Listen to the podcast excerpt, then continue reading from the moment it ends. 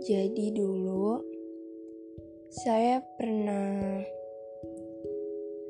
kecolongan terlanjur percaya sama seseorang. Seseorang yang saya baru kenal.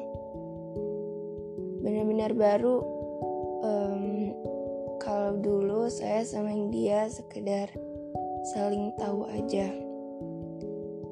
Tapi ngobrol sama dia, cerita-cerita dengar kisah-kisahnya dia bikin saya ngerasa kayaknya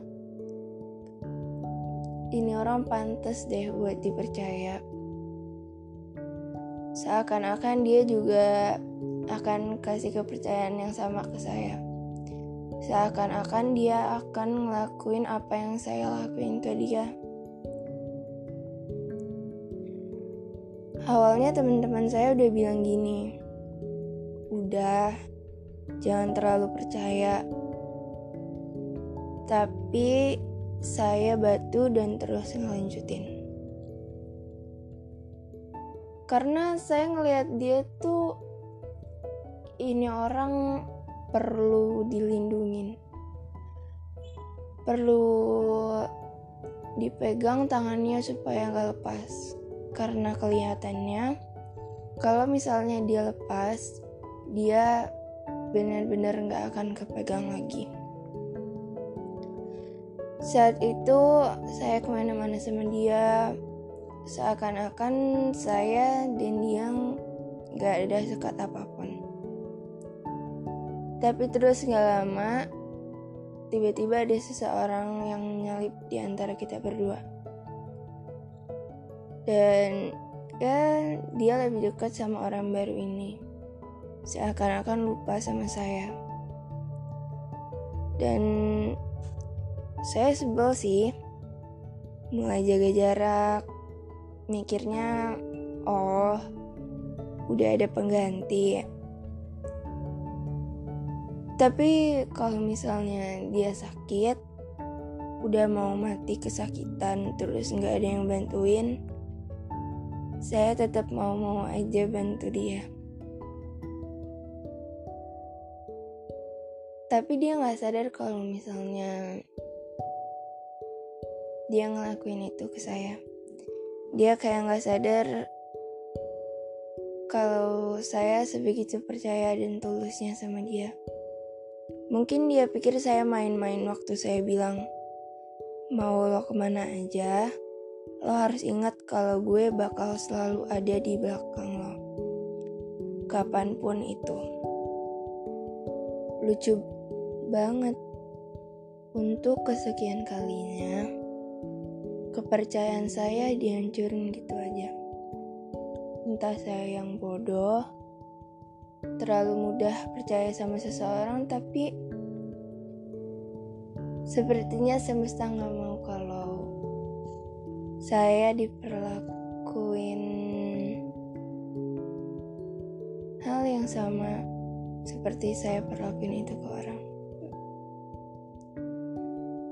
Begitu lulus, saya sama dia beda sekolah.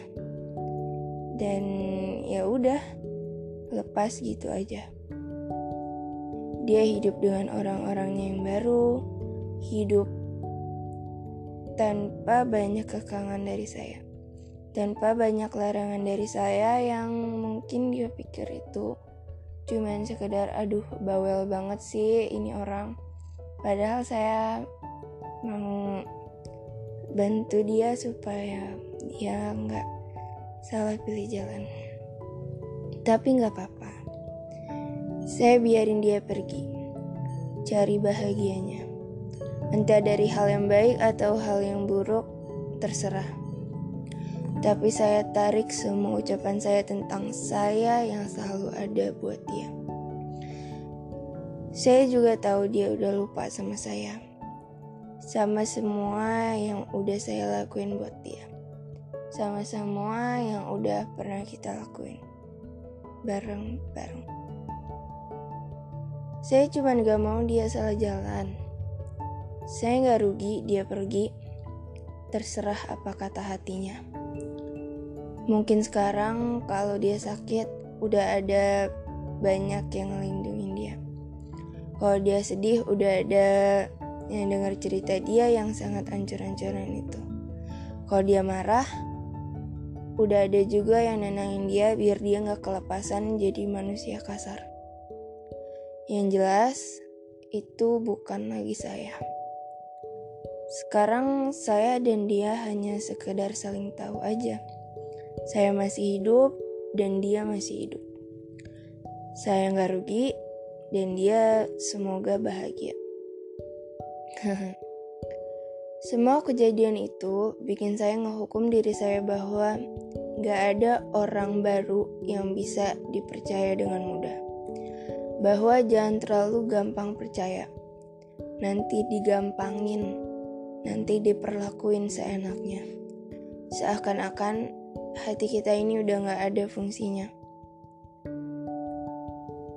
Jangan minum sembarangan walau kelihatan bening gak ada racunnya. Gak akan kelihatan sebelum bener-bener dikenalin lebih jauh. Nah, gak usah kecewa kalau pernah atau sedang diperlakuin kayak gitu. Anggap aja beban orang lain yang harus kita tanggung itu berkurang. Kita gak perlu mikirin orang lain lagi. Gak perlu mikirin orang yang gak mikirin kita. Cuekin aja, dia senang, kita senang. Gak ada yang perlu sedih. Kalaupun harus sedih atau nyesel, itu tugas semesta buat ngerjain dia.